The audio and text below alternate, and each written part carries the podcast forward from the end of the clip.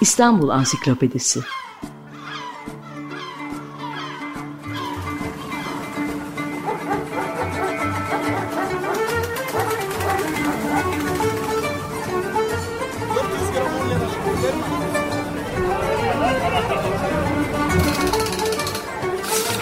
İnsanlar, olaylar, mekanlar, gelenekler ve ihtiyaçlar üzerinden şehrin tarihinden sayfalar.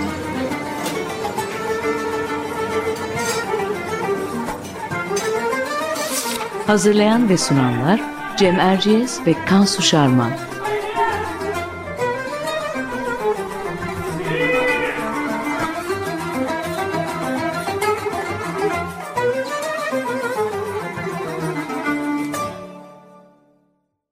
Merhaba, ben Cem Erciyes. Açık Radyo'da Kansu Şarman'la birlikte hazırladığımız İstanbul Ansiklopedisi'nin yeni bir programındayız. Bu hafta konumuz İstanbul'un ilk dernekleri, cemiyetleri ya da kısaca İstanbul'un ilk sivil toplum kuruluşları diyebiliriz. Konuğumuz ise İstanbul Üniversitesi öğretim üyesi Profesör Doktor Mehmet Alkan. Mehmet Bey hoş geldiniz. Hoş bulduk. Çok teşekkür ederim beni böyle seçkin bir programa davet ettiğiniz için. Kendimi önemli hissettim. Sağ olun. Çok biz teşekkür biz teşekkür ederiz. Çok mutlu olduk sizi e, burada e, ağırladığımız dinleyicilerimizle buluşturma fırsatı bulduğumuz için. Şimdi biz her hafta Kansu ile kısa bir özet yapıyoruz. Sonra sözü konuğumuza bırakıyoruz. E, bu kısa özet için bu hafta e, yine Tarih Vakfı tarafından yayınlanan e, İstanbul'un STK'ları adlı çalışmadaki Mehmet Alkan imzalı makaleden faydalandık. Referansımızı da baştan verelim. Neler söyleyebiliriz? Ee, çok hızlıca e, sayı, anlatacak olursam Osmanlı Devleti'nde sivil mülki kavramına bakmak lazım. Bu e, siyasal iktidar devlet dışı alan olarak değil de bugün bildiğimiz anlamda askeri alan ve askeri alanın karşıtı olarak kullanılmış. Bu nedenle örneğin okullar, askeri okullar ve mülki okullar olarak ikiye ayrılarak değerlendirilmiş. Benzer bir ayrım bürokrasi idare içinde kullanılmış. Yani Osmanlı toplumunda sivil toplum batıdaki gibi bir tarihsel, toplumsal, felsefi içeriğe sahip bir kavram olmamakla birlikte sivil toplumu işte olarak e, karşılayan kurumların varlığından söz edebiliyoruz. Peki erken Osmanlı'da hangi kurumlar sivil toplum örgütleri sayılabilir? Ee, eğer sivil toplum kurumunu devlet iktidarının bittiği alan ya da bireylerin siyasal iktidarın gücünden korunduğu bir tampon alan olarak tanımlıyorsak, Tanzimat'a kadar olan dönemde tarikatları ve vakıfları da bu kapsam içinde değerlendirebiliriz. Buna bir dereceye kadar loncaları da katmak mümkün ama aslında sivil toplum kavramı malum modernleşme sürecinin ve e, ekonominin sivilleşmesinin de bir parçası. Dolayısıyla Tanzimat'ın ilanından sonrayı ele almak daha doğru sanırım değil mi Kansu? Kesinlikle evet. E, sivil toplum toplum kurumlarının ticaretle kentleşmenin e, modern sanayi toplumunun ürünleri olduğu görülüyor zaten. E, tanzimatın ilanı sonrasının başlıca özelliklerinden biri de ekonomik değişim. E, ticaret kesiminin sağlanan olanaklarla gelişmeye başladığı bu dönemde e, kentsel yaşamın içinde etkinlikte bulunan başını yabancı ve Müslüman olmayan tüccarların çektiği bir grup e, örgütlenme konusunda da önder oluyor. Osmanlı İmparatorluğu'nda Tanzimat sonrasında ortaya çıkmaya çıkmaya başlayan kamu alanının ve 1860'ların hemen başında oluşan kamuoyunun e, oluşumunun aynı zamanda sivil toplum örgütlerinin kuruluşunu da içerdiğini biliyoruz. E, ve bu noktada ilk sivil toplum kurumunun e, kuruluşu da 1856 yılında ortaya çıkan Cemiyeti Tıbbiye'yi şahane olarak e, kabul ediliyor. E, şimdi e, bu özetten sonra e, sözü kesip e, Profesör Doktor Mehmet Alkan'a e, bırakalım istiyorum. E, hocam e, şöyle bir soruyla başlayalım. Tanzimat sonrası İstanbul'da sivil toplum kuruluşları tanımı e, neleri kapsıyor ve o dönem bir sivil toplum kuruluşu hangi amaçla kuruluyor? Ee, çok teşekkür ederim. Ee, şimdi belki şöyle düşünmemiz lazım. Sivil toplum kurumu kavramı aslında yeni bir kavram. Eskiden kullanmıyorduk. Daha çok evet Batı literatüründe non-governmental organization diye e, kullanılıyordu. Fakat bunun böyle yaygın e, benimsenen bir kavram olarak kullanılması 1980'lerin sonrasında dünyada da. Türkiye'de de mesela STK, sivil toplum kavramı 1980'lerin sonunda, 90'ların başında yaygın olarak kullanılmaya başladı. Hatta sivil toplum kavramı bile Gramsci'den bilinen 80'lerin e, başında e, kullanılmaya başlandı. Tabii biz şimdi geriye dönük olarak e, Osmanlı döneminde 19. yüzyıldaki örgütlenmeleri sivil toplum kurumu olarak adlandırıyoruz. O dönemdeki adları dernek, cemiyet, kulüp, birlik gibi farklı isimlerle anılıyordu bunlar. Ve siz çok güzel bir giriş yaptınız. Aslında bu tür e, derneklerin, cemiyetlerin, birliklerin neden kurulduğunu da açıklamış oldunuz. Çünkü ticaret artıyor, ülkeler arası ilişki artıyor. Bir de tabii İstanbul özelinde Osmanlı genelinde olduğu gibi İstanbul özelinde 1853-1856 e, yıllar arasında Osmanlı-Rus Savaşı tabii burada müttefikleri var Türkiye'nin. İngiltere gibi, Fransa gibi, İtalya gibi. Bu müttefiklerin İstanbul'a akın ettikleri bir dönem aynı zamanda. Dolayısıyla e, gelenlerin çoğunun da e, eğitim seviyelerinin yüksek olduğunu görüyoruz. E, yüksek subaylar gibi, iyi eğitim almış subaylar gibi veya doktorlar gibi.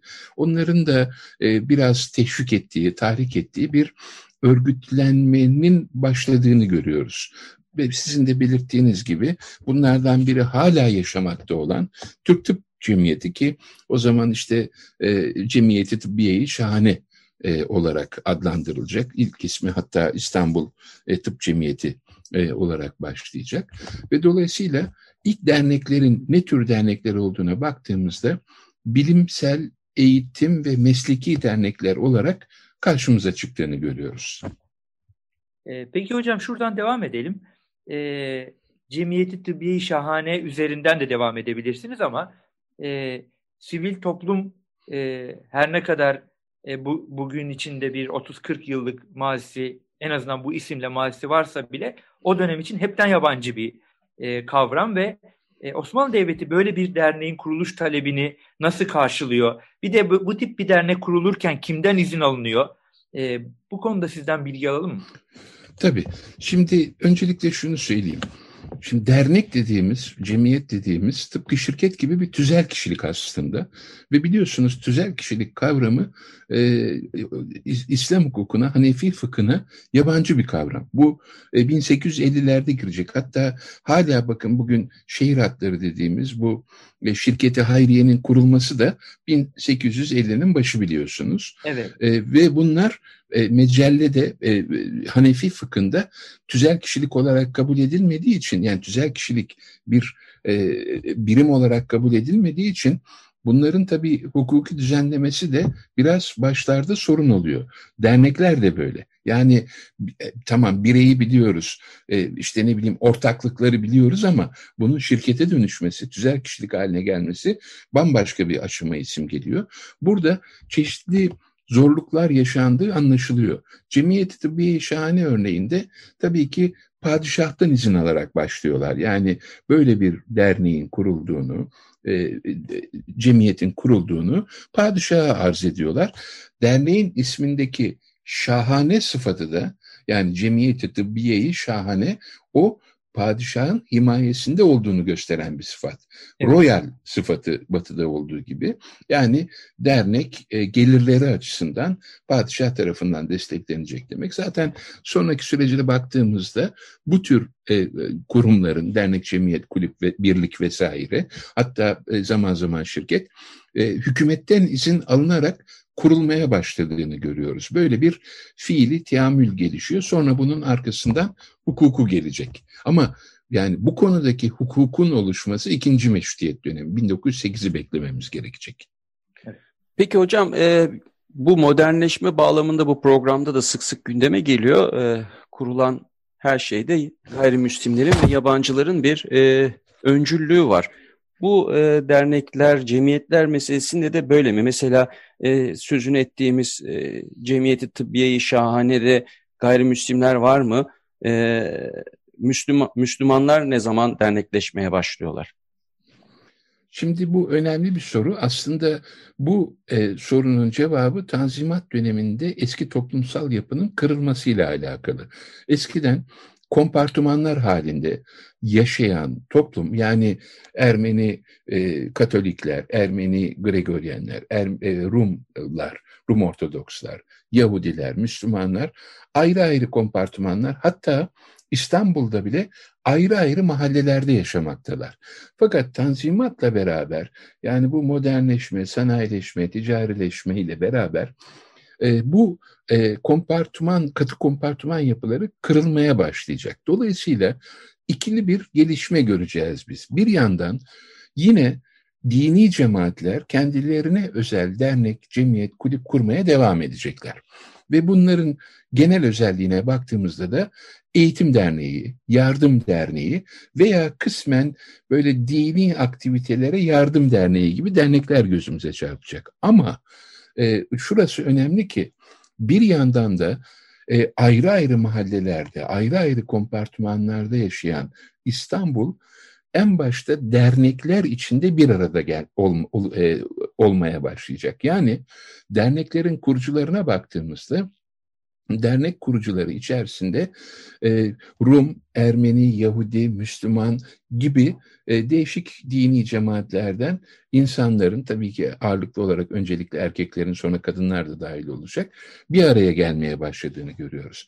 Zaten şöyle ifade edeyim bu programınız açısından da önemli. Şimdi aklıma geldi. Tanzimattan itibaren bir İstanbul kimyası oluşuyor. Bir İstanbul bileşimi oluşuyor. Ve çok değerli bir bileşim bu. Şöyle ki kültürel bir e, karşılıklı e, yeni oluşumlar sanatta, edebiyatta, bilimde, günlük hayatta, mimaride, yaşam tarzında e, bir bakıyorsunuz bir burjuva kültürü oluşuyor ve bu burjuva kültürü artık ne Ermeni'ye ait, ne Rum'a ait, ne e, Müslüman Türkiye ait. Hayır, hepsine ait. Yani bir şehir kültürü, bir burjuva kültürü oluşmaya başlıyor Tanzimat'tan itibaren ki bu kendisini hemen hemen ikinci meşrutiyete kadar korudu. Çok önemli bir şey bu. Bu bir kimya oluştu adeta. Bir İstanbullu kimyası, bir İstanbullu bileşimi, kültürü oluştu.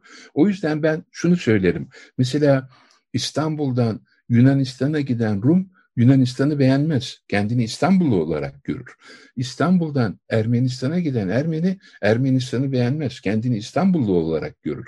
İstanbul'dan Arabistan'a giden e, Müslüman orayı beğenmez, kendini İstanbullu olarak görür. İstanbul'dan Orta Asya'ya giden Türk de Orta Asya'yı beğenmez, kendini İstanbullu görür. Çünkü İstanbullu olmak bir üst kültür, bir burjuva kültür ki bu Tanzimat'la beraber başlıyor ağırlıklı olarak. Bir ortak kimlik, ortak kültür olarak başlıyor. Bu dernekleşmeye de yansıyor. Dolayısıyla derneklerin bir kısmı cemaatlere ait yine cemaat içi e, desteklere yönelik eğitim gibi, e, yardımlaşma gibi vesaire ama bir kısmı da ortak. Yani mesela bu ortaklıkları biz bir kısmını e, felaketlerde görüyoruz. İstanbul evet. yangın felaketi yaşıyor. İstanbul sel felaketi yaşıyor. O sel felaketi yaşanan, yangın felaketi yaşanan yere doğru e, bir e, dernek kurulduğunu, para toplandığını, oradaki yoksullara vesaire yardım edildiğini görüyoruz. Dolayısıyla hani bu e, ikili bir yönde diyelim, iç içe geçmiş ikili bir yönde bir anda ortak bir kültür, bir anda kendi cemaatine katkıyı. Belki bu arada e, zikretmemiz gereken, o da hala devam ediyor. E, Cemiyeti Tedrisiye-i İslamiye. Bugün Darüşşafaka olarak devam eden kurum Türkiye'nin en eski sivil toplum kurumlarından biri. Padişahın da çok katkıda bulunduğu. E, onların o klasik binası ki şimdi başka bir kurumda umarım Darüşşafaka o ilk ve klasik binasını geri alır ve e, o, o, o sembolik bina çok önemli çünkü Türkiye tarihinde e, Darüşşafaka'nın olur tekrardan. Peki Kanuni Esasi'den bahsedecek olursak onun içerisinde e, bu konuyla ilgili düzenlemeler yer alıyor mu? E, o, o da bir değişim, e, bir hareketlilik sağlıyor mu? Şimdi ticaretteki değişmeyle beraber tabii mecelle, tüzel kişilik, şirket kurumu e, gündeme geldiği için e, ikinci meşrutiyete kadar cemiyet dediğimiz zaman daha çok böyle şirket e, hukuku içerisinde, şirket e, kimliği altında ele alınmaya başlayacak. En azından fiili olarak. Ve tabii e, artık böyle kanuni esası dediğimiz birinci meşrutiyet hemen Abdülhamit dönemi öncesinde ve bu konuda Türkiye'de e, çok fazla dernek zaten kurulmuş durumda. Hı hı. E, mesela birkaç isim vermek istiyorum müsaade ederseniz evet. bu e, ilginç olanlarından. Şimdi Cemiyeti Tıbbi söz ettik. E, diğeri Cemiyeti İlmiye-i Osmaniye mesela Münif Paşa'nın kurduğu çok önemli bir dernek. Cemiyeti Kitabet mesela, Cemiyeti Edebiye yani Edebiyat Cemiyeti, Encümeni Nevzat Selanik'te kuruluyor. Mesela Sıbyan Mekteplerini Islah Cemiyeti Bursa'da kuruluyor. Bu şey İstanbul dışında bunlar ama İstanbul'da kurulan 1873 yılında protofaşist bir cemiyet var. Çok ilginç. E, Tosunlar Cemiyeti. Bunlar böyle ellerine gürz alıp sokaklarda böyle mafyatik şeyler, e, pozlarla dolaşıyorlar. Böyle terör estiriyorlar. Mesela Hüsemai Duhan Cemiyeti var. Yani bu tütünden hoşlanmayanlar veya tütüne düşman olanlar cemiyeti gibi çok ilginç gelmişti bana e, o evet. konuda çalışırken. Mesela o dönemde artık meslek teşekküllerinin de kurulmaya başladığını görüyoruz. Nasıl böyle cemiyeti tıbbiye kuruluyorsa avukatlar Artık çünkü biliyorsunuz yine Hanefi fıkhında avukatlık kurumu o manada yok. Artık avukatlık müessesesi geliyor ve onun örgütlenmeye yani baronun kurulmaya başladığını görüyoruz. Ee, İstanbul başta olmak üzere. Bir de belki birkaç tane müsaade ederseniz e, gayrimüslim, Ermeni, Rum çünkü o kozmopolitizmi de yansıtıyor İstanbul'da. Onlara dair birkaç örnek vermek isterim. Mesela Rumlar arasında e, çok yaygın bir dernekleşme var. Ama en önemli derneklerden biri e, adeta böyle e, İstanbul'un e, Rum Marif Bakanlığı gibi tarif edilir o dönemde. Rum Cemiyeti İlmiyesi, Elenikos Filolopikos Silalos diye e, tabir edilen cemiyet. Çok önemli bir cemiyet. Yine e, Rum kadınların kurdukları cemiyetler var. Mesela Pera hanımlarının Fukara Perver Cemiyeti, Filoptohos, Adelfitos, Ton Kriton, Tuperan gibi veyahut e, Ermeni cemiyetleri var aynı dönemde kurulan. Mesela tiyatro eğitimini amaçlayan Asyalılar, Asiyagan Cemiyeti kuruluyor. Okulları desteklemek için Tibrosi Sirats Okul Severler Cemiyeti kuruluyor. Okurken hata yaparsam dinleyiciler bağışlasınlar beni, e, telaffuz hataları. Mesela yine İstanbul'da Peralı Ermeni Kadınların Cemiyeti var. E, bir başkası mesela e, bir başka cemiyet Yahudilerin çok ilginç. E, onların mesela benim çok hoşuma giden İstanbul'da kurulmuş olan Süt Damlası diye bir cemiyetleri var.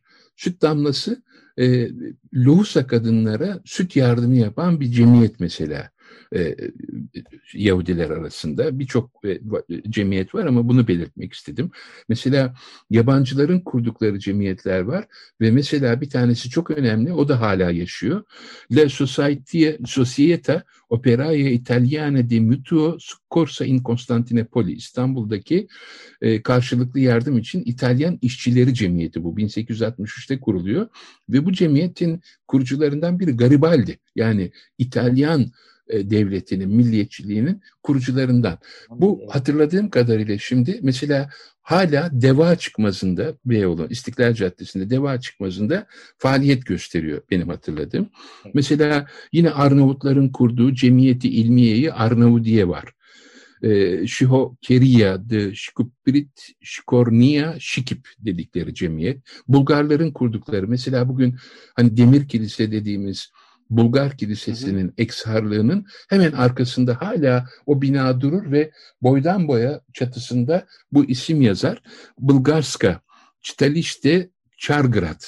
Ee, işte Bulgar okuma evidir o ve hala faaliyettedir. Yani en azından e, şey olarak. Dolayısıyla hani e, İstanbul'daki bütün cemaatlerin hatta yabancıların bile İngilizlerin mesela Fransızların evet. mesela Almanların ki Tötönya Almanların kurduğu 1840'tan itibaren hala bugün yüksek kaldırımdadır o dernek. Hala faaliyet gösteriyor. Hocam, Rus Arkeoloji Kurumu vesaire. Buyurun. E, hocam süremizi e, şey yettirmek için e, 10 dakikamız kaldı. Bir iki sorumuz var bize göre. Bunlardan bir tanesi Sultan Abdülhamit'in saltanat yılları. Evet, evet çok önemli. İddat dönemi ve e, sivil toplum kuruluşları bu idare döneminde ne durumdaydı? Bir de hemen ona bağlı olarak e, bu dönemde kurulan bir takım gizli dernekler var. Siyaseten ya da e, toplumsal. Bunları bir sivil toplum örgütü içinde, kapsamı içinde değerlendirebiliyor muyuz? Şimdi önce şunu söyleyeyim. E, Abdülhamit biliyorsunuz darbeyle iktidara geldi. Darbecilerle anlaşarak iktidara geldi ve bir darbeyle de gitti. Şimdi onun iktidarın ilk dönemi birinci meşrutiyet dönemi. Ee, sonra parlamentoyu kapatacak ve anayasayı askıya alacak. Zaten bizim ilgilendiğimiz e, dönemde yani bu dönem istibdat dönemi diyoruz biz bu döneme. Neden istibdat dönemi diyoruz? Çok basit. İki tane ölçümüz var bu konuda. Evrensel ölçüdür bunlar. Bir tanesi bir defa fikir özgürlüğü yok. Yani e, dergi, gazete çıkartamıyorsunuz, fikrinizi özgürce söyleyemiyorsunuz. Fikir özgürlüğünün, düşünceyi ifade özgürlüğünün olmadığı bir 30 yıl, 1878-1908. İkincisi özgür örgütlenme yok. Yani bu iki özelliğin olmadığı yer her dünyanın her yerinde istibdad rejimidir bir defa. Fakat şimdi özgür örgütlenme yok derken devletin istemediği örgütlenme yok devletin istediği örgütlenme var. Mesela masonlar örgütlenebiliyor. Yani masonların örgütlenmesi konusunda İstanbul veya İstanbul dışında hiçbir sorun yok. Hatta ya Abdülhamit'in mason localarına yardım yaptığını bile biliyoruz. Zaten biliyorsunuz biraderi Maşrık-ı Azam 33. derece 5. Murat. Evet. Dolayısıyla Abdülhamit dönemindeki e, örgütlenmeye baktığımızda daha çok eskiden kalma e, tırnak içinde zararsız diyebileceğimiz örgütlenmelerin devam ettiğini görüyoruz. Ama mesela mülki öğrencileri bir edebiyat kulübü kurmak istiyor. E, hemen e, zaptiye takibine uğruyor. Hemen e, enselerine biniyorlar, kapatıyorlar. Bu mümkün değil. Fakat bu dönemde iki e, yaygın tür var. İkinci sorunuzla bağlantılı. Bir tanesi e, bu gizli siyasal örgütlenmeler. Tabii bu gizli siyasal örgütlenmeler yalnızca Müslüman Türklere özgü değil. Yani işte bir tek İttihat Terakki'den söz etmiyorum. Ermenilerin de mesela çok yaygın olarak e, gizli siyasal örgütler kurduklarını biliyoruz bu dönemde. Ama e, benim e, bu dönem üzerine çalışırken gördüğüm ve maalesef hala yayınlayamadığım çok e, e, envanter oluşturdum, bir e, listeler oluşturdum bu konuda Türkiye çapında 1922'ye kadar. E, göze çarpan en önemli örgütlenme özelliklerinden biri spor örgütlenmeleri. Mesela belli bir tarihten itibaren yelken sporuyla ilgili belli bir tarihten itibaren futbola ilgili, e, sporla ilgili örgütlenmelerin olduğunu görüyoruz ki zaten dikkatinizi çekmiştir. Türkiye'deki şu anda faaliyet gösteren mesela üç büyük kulübün kuruluşu da 1900 yılından sonra ve Abdülhamit döneminde. Ve yani, meşrutiyetten, ikinci meşrutiyetten de öncedir önce dolayısıyla. Yani bu bir istibdat dönemi örgütlenmesi gibi. Hani bunlar böyle siyasi sorun çıkarmasınlar da gerekirse top oynasınlar, top peşinde koşsunlar. Hani e, e sağcı mısın, solcu musun, futbolcuyum diye bir şey vardı. Ne sağcıyım, evet. ne solcuyum, futbolcuyum. O, o hikaye gibi.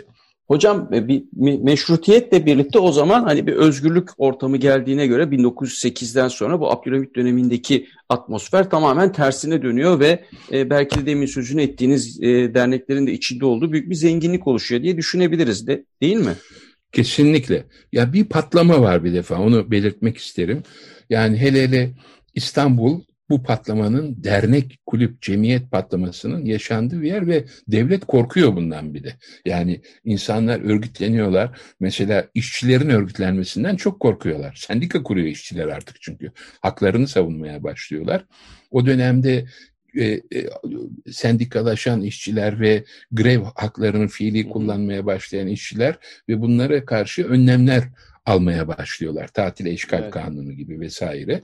Ve o dönemde e, etnik cemiyetlerin arttığını görüyoruz. Kürt, Çerkez, Arap gibi ve buna karşı da önlem alınıyor. Yani etnik böyle dernekler kurulmasını yasaklayan bir takım e, önlemler görüyoruz. Ama mesela bu konu çok yaygın bir konu aynı zamanda. Mesela sırf etnik e, böyle Kürt, Çerkez, Arnavut dernek, kadınları da onların bu dernekleri kuruyorlar. Yani Kürt kadınları, Çerkez kadınları, Arnavut kadınlarının da bu dönemde çok çeşitli dernekler kurduklarını görüyoruz. Yani e, dernek ta 1913 yılına kadar 20 e, Ocak 23 Ocak 1913 Babali baskını dediğimiz İttihat Terakki'nin hükümet darbesi yapıp 5 yıllık tek parti rejimini kurana kadar 1913-18 bu dernekleşme Türkiye'de devam edecek. Fakat ondan sonra ara verecek. Hocam son olarak çok az süremiz kaldı. Bir iki cümleyle de e, Cumhuriyet rejiminin e, erken Cumhuriyet'in sivil topluma nasıl baktığını, sivil toplum kuruluşlarını nasıl e, kuruluşlarına nasıl yaklaştığını da sizden birkaç cümleyle alalım. Sonra zaten ansiklopedi bölümümüzü bu, bu hafta kullanmayacağız. E, onu sizin cevabınızla tamamlamış olalım. Şöyle tamamlayayım ben onu. Türkiye ne, ne zaman böyle bir özgürleşme fırsatı bulursa mesela bunu örgütlenme olarak kullanıyor. O yüzden ikinci meşrutiyet ilan ediliyor, dernek sayısında artış oluyor. Aynı şekilde Türkiye tarihinin en güç dönemi, mütareke dönemi 30 Ekim 1918 Mondros imzalanmış.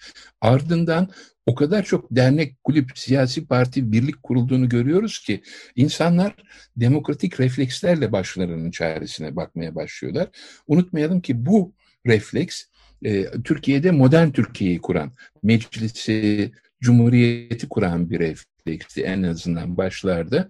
Dolayısıyla en azından Cumhuriyet'in başlarında e, bu e, örgütlenme özgürlüğüne çok önem verildiğini görüyoruz ama bir süre sonra e, tıpkı İttihat Terakki'nin ikinci meşrutiyette yaptığını, yaptığını e, Cumhuriyet'in başlarında da Cumhuriyet Halk Fırkası devlete bağlı örgütlenmeyi esas kılarak yani denetim altına alarak sürdürecek çok uzun bir mevzu bu. Böyle kısaca özetleyebilirim. Hocam çok teşekkür ediyoruz. Şimdi dinleyicilerimize kısacık şeyi de söyleyeyim. E, bu konu gerçekten çok zengin bir konu. E, örnekleri de e, çok e, eğlenceli diyebileceğimiz örnekler de var. E, Mehmet Alkan hocamızın editörleri arasında olduğu İstanbul'da STK'lar kitabını bulabilirsiniz sahaflardan. E, biz programa hazırlanırken e, buradaki makalelerden çok faydalandık. Çok teşekkür ediyoruz Mehmet Hocam. E, çok eğlenceli ve enteresan bir konu. Keşke vakit daha uzun olsaydı daha uzun örneklerle konuşabilseydik. E, haftaya Ben teşekkür ederim davet ettiğiniz için. Sağ olun. Çok sağ haftaya olun. yeniden Çok birlikte olmak üzere. E, hoşçakalın diyoruz. Hoşçakalın. İstanbul Ansiklopedisi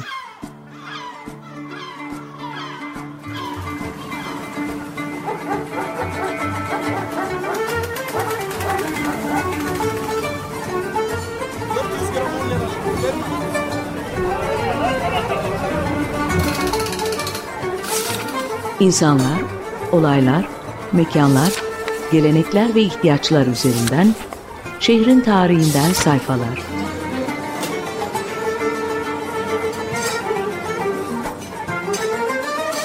Hazırlayan ve sunanlar Cem Erciyes ve Kansu Şarman.